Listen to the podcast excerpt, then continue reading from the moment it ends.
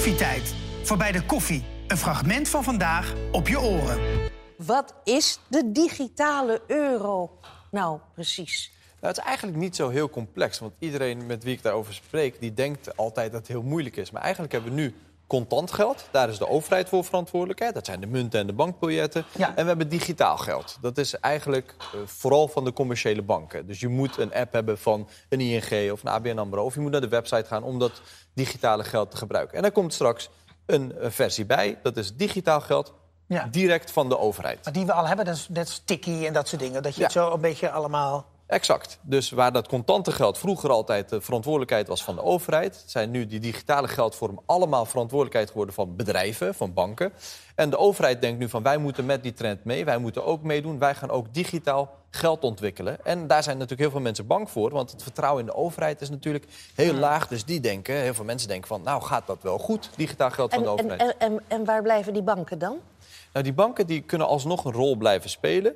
Eh, alleen voor het stelsel, denkt men, is het toch belangrijk... en dat, dat herken ik ook wel, dat we ook nog steeds een vorm van overheidsgeld hebben. Want dat contante geld, dat wordt steeds minder gebruikt. Ja. Dus eh, om alternatieven te hebben, dat we niet volledig afhankelijk worden van die banken... waar we al best afhankelijk van zijn... Ja. dat is op zich voor het stelsel, voor de stabiliteit van het stelsel, een goed idee. Juist. Ja, ik zou denken ook van. Met mijn lekenverstand op dit gebied natuurlijk. En dat zijn we eigenlijk allemaal nog, want het, het is er nog helemaal Zo is niet. het. Het is alleen nog vooral veel praten en filosoferen erover. Ehm, dat we nu al behoorlijk digitaal bezig zijn, omdat we eigenlijk al alle be- betalingen digitaal doen. Maar als ik het goed begrijp, komt er dus een soort van derde geldstroom Zeker. bij. Maar het is, denk, het is goed om even terug te kijken. Dus langzaam maar zeker is het be- betaalverkeer gedigitaliseerd de afgelopen decennia. Banken hebben een tegoeden digitaal gemaakt... en daarom zijn we steeds meer bankgeld, banktegoeden gaan gebruiken voor betalingen. Ja, En nu zeggen overheden, we zijn te afhankelijk geworden van die private partijen. We komen zelf ook met de munt. Dus Ja. eigenlijk is het, het fysieke geld, het contante geld... is eigenlijk fysiek gebleven. Niet meegegroeid met het digitale tijdperk. Nu zeggen overheden, centrale banken... wij willen ook graag een digitale vorm van Ja. publiek geld introduceren. En nou roept dat dus toch een enorme Zeker. discussie op bij iedereen. En we- ik zie hier, we hebben hier eventjes wat, ehm, nou ja, wat, wat, wat headlines uit kranten. De digitale euro, wat is het, waarom is er zoveel kritiek op? Ehm, eh, einde van cashgeld nu echt in zicht. Nou, daar komen we nog wel op. Want is het belangrijk om het er nu al over te hebben? Ja, zeker. Ik eh, ben al twee jaar rapporteur namens de Tweede Kamer. Hè. Niet Ja. alleen namens mijn eigen partij, de, de SP, maar namens de Tweede Kamer. Ik was echt heel lang bang dat dit geruisloos er zou komen... zonder dat er een degelijk debat over zou plaatsvinden. Ja. In, het- in de maatschappij, maar ook in het parlement. Dus toen heb ik een boek erover geschreven. dacht ik van, men moet zich meer bewust worden van wat hier op het spel staat. Het boekje heet Van wie Van wordt wie ons wordt geld? ons geld? Ja, ja. Goeie eh, vraag ook, denk ja, ik. precies. Want Ja. hè, me- veel mensen denken van het is nu van mij. Maar Ja. in de praktijk ligt het bij die commerciële banken. Die doen er allerlei dingen mee. En in de praktijk betekent het ook... commerciële bank gaat failliet, dus geld is weg. Tenzij de overheid jou helpt op een bepaalde manier.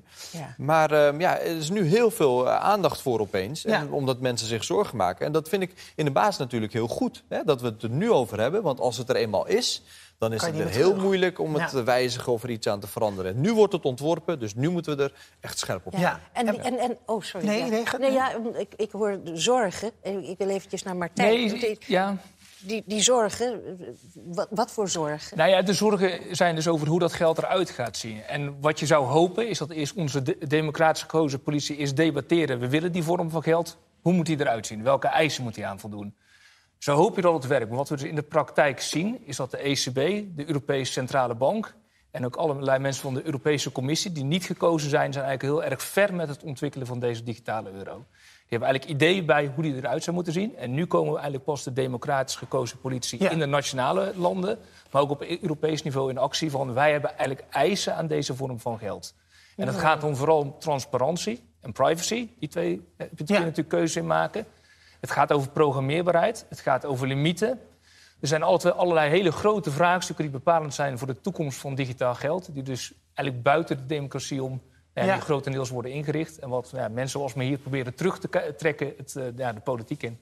Maar goed, maar, maar hoe ver, want moet je dan een, een, een extra digitale rekening hebben? Kun je er geld opstorten? Of kan, kan je van je normale betaalrekening iets storten naar die digitale rekening? En, hoe- Nou ja, het, be- beste is denk ik te vergelijken. Als je nu gaat pinnen, dan ga je naar de pinautomaat toe, doe je bankpas erin.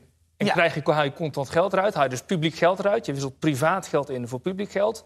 En je zou het ook kunnen overboeken naar een publieke rekening. Dus ik denk dat het, het makkelijkste begrijpen is hetzelfde als als dat je gaat pinnen in digitale vorm. Ja, Dus je boekt het over naar een veilige rekening, zou je kunnen zeggen.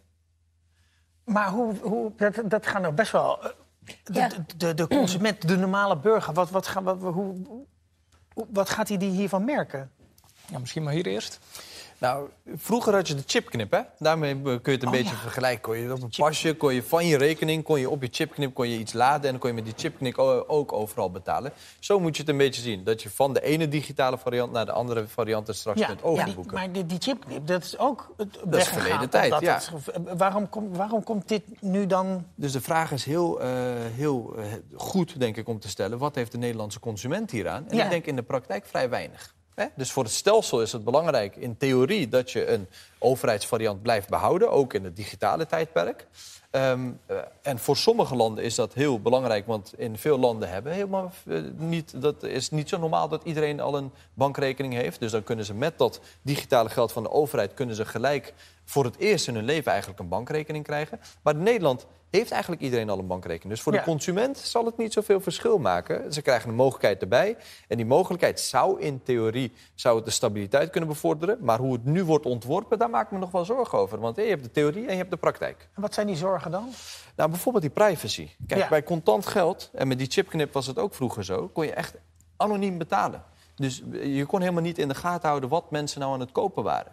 Nu lijkt het met die digitale euro een kant op te gaan... dat die anonimiteit niet meer kan.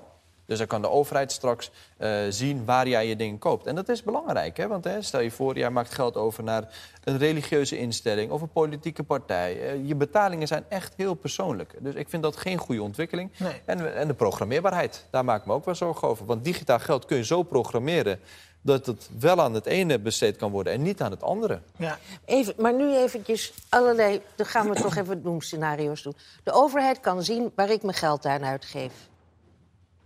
Kunnen ze nu toch ook al? Zeker. Met mijn, met mijn bankrekening. Precies. Afschriften. Nee, precies. Dit is, de- dit is een heel goed punt. Hoor. Dus binnen het huidige systeem worden ook heel veel betalingen al gecontroleerd. Maar met het nieuwe geld kun je natuurlijk extra controleren... of kun je weer nieuwe technologie be- benutten. Ehm, en hier loopt het, wat er nu wordt gedaan, loopt het via de commerciële bank... en hier zou de overheid over een overheidsinstantie het zelf gaan doen. Ja. Ehm, en je ziet denk ik dus wat denk ik belangrijk Maar, is maar om te het is beseffen... wel goed tegen de criminaliteit. Zeker, nee, du- dus er zitten afwegingen. Precies, er moeten dit soort keuzes worden gemaakt. Ja. En ik denk dat binnen Europa, heel specifiek, dus binnen de eurozone... 65% van de digitale betalingen worden afgehandeld door bedrijven buiten de eurozone. Dus door vooral Amerikaanse partijen. Dus wij geven betaalgevers geven we al weg. En nu met dit nieuwe geld is eigenlijk de vraag... nou ja, wie zou nou de bezitter van die betaaldata moeten zijn? Kunnen we het met technologie en wetgeving zo regelen... dat ik tot een paar duizend euro... Nou ja, dat is een politieke keuze hoe hoog die grens moet zijn... dat ik privacy heb. En dat daarboven voor andere redenen kan belasting zijn, kan witwassen zijn, dat daarvoor die getallen moeten worden, of die bedragen moeten worden gecontroleerd. Ja. En dit is dus, omdat het geld nieuw is, gaan we eigenlijk opnieuw dit soort vragen stellen. En komen dit soort politieke debatten. Nou, hoe hoog moet de limiet zijn? Wat is die afweging tussen eh, privacy en transparantie? Nou, komen dit soort weer Ja, ja. onderwerpen op tafel. Ja, want je hoort dus ook in die, in die doemscenario's dingen als... ehm, eh, ja, de overheid gaat straks betalen, bepalen hoeveel contant geld. Dat zit dan, er zou misschien een limiet van 100 euro op zitten... dat je maar 100 euro contant hebt, wat dus onbekend is. Maar het kan het ook, dat, ik meen dat jij dat nu net zegt... het sturen waar je je geld aan uitgeeft. Dus ik zeg maar wat, als je eh, iets aan je longen hebt... dan mag je geen sigaretten meer kopen. Ja, dat is natuurlijk echt een Of is dat doemscenario. heel ver weg? Nou, de overheden zeggen nu, hè, ik ben Tweede Kamerlid, ik stel vragen daarover en ik krijg als antwoord, dat willen we echt niet. Hè? Dus eh, wees gerust, dat willen we echt niet. Maar mensen vertrouwen de overheid steeds minder. Dus eh, als het technisch mogelijk wordt, denken ze ja, maar in de toekomst, als het technisch mogelijk is, zouden ze dat wel kunnen doen. En als tegelijkertijd over zaken wordt nagedacht zoals een CO2-budget, was deze zomer was dat opeens een hele, he- heel ding, omdat Barbara Baarsma van de Rabobank die kwam met het idee van een CO2-budget, dat als jij te veel aankopen hebt gedaan en daarmee te veel CO2 hebt uitgestoten. Bijvoorbeeld, hè, je hebt te veel vlees gekocht of te veel benzine getankt. Ja. Dat je dan aan je CO2-budget zit en dus niet meer je huis zou kunnen verwarmen met je eigen geld. Oh ja. Dus dat soort zaken wordt nu wel echt over nagedacht. Dat zijn geen plannen die ik heb Nee. bedacht, die staan echt in stukken. Dus als je aan de ene kant iets hebt zoals het eh, nieuwe digitale geld, de digitale euro, waarmee het technisch mogelijk wordt. En aan de andere kant dit soort gedachte-experimenten allemaal. Dan denken mensen wel van, ja, maar wacht eens even, moeten we dit wel willen? En daarom Ja. is het zo belangrijk om nu aan de voorkant dat dicht te regelen en het onmogelijk te maken. Ook technisch en Ja. juridisch onmogelijk te maken. Ja, want het klinkt ook toch enger, vind ik. Ja. Dat je toch een beetje alle controle een beetje kwijtraakt. Ja, maar ik denk dan wel weer aan de andere kant... ja, dit hebben we een beetje over onszelf afgeroepen... met de digitalisering en de eh, algoritmisering van onze maatschappij. Dat, gaat, dat kan je niet meer uit de weg gaan. Alles is... Nee, zeker. Dus Alles ik denk dat we moeten proberen eh, eh, een mu- digitale munt te ontwerpen die, zo- die zo goed mogelijk is. Dus waar die- technologisch privacy borgt, die juridisch privacy Ja. borgt, dat die data beschermd zijn. Ja. Eh, en dat is denk ik, dus die, die dystopieën die worden vaak geschetst, maar je kunt er ook iets goeds ontwikkelen. En dat is denk ik heel erg de, de, de call, zeg maar. Dus de politici moeten zich bewust zijn van wat voor geld hebben de burgers idealiter nodig. Hoe zou Ja. die publieke digitale munt eruit moeten zien? Dit is een. eh, en wanneer, ga- wanneer gaat dit ongeveer? Wanneer, ze- de- Ja, dat is gaat dit vraag. gebeuren? Ja, sneller dan we niet, denken. Of Ja, moet het nee, niet zo zeker. doen? Ja, Ja, ja. Nee, het was, twee weken geleden was er een, eh, een debat. En ik was dus heel bang dat het geruisloos voorbij zou gaan. Er waren honderden mensen op afgekomen. Alle zalen vol in de Tweede Kamer konden mensen niet meer in. Dus eh, dat, dat risico is Ja. in ieder geval voorbij. Mensen Ja. zijn wakker geworden. En de volgende stap is dat nu de Europese Commissie... want hè, we zitten in de euro, dus de Europese Unie is hiermee bezig... die komt met een Europese wet. En dat komt in het voorjaar. En dan moeten we weer scherp zijn. Kijken wat er in die wet Ja. staat. Ja, dat is belangrijk, want in Europa, dus de ECB voert al eh, testen uit met prototypes. Dus die is al met de technologie bezig. En de Europese Commissie is al wetgeving aan het voorbereiden. Ja. Ja. Dus zover is het proces Ja, in Europa. precies. En in Nederland is het dus, nou, de afgelopen maand was dus voor de eerste keer debat over die digitale euro. Oké. Op alle gebieden, maar vooral ook op dit gebied, is waakzaamheid geboden. Beluister ook onze andere podcast met iedere zaterdag om 10 uur de Week van Koffietijd. Iedere werkdag zijn we natuurlijk ook gewoon weer live met een nieuwe uitzending. Om 10 uur RTL 4.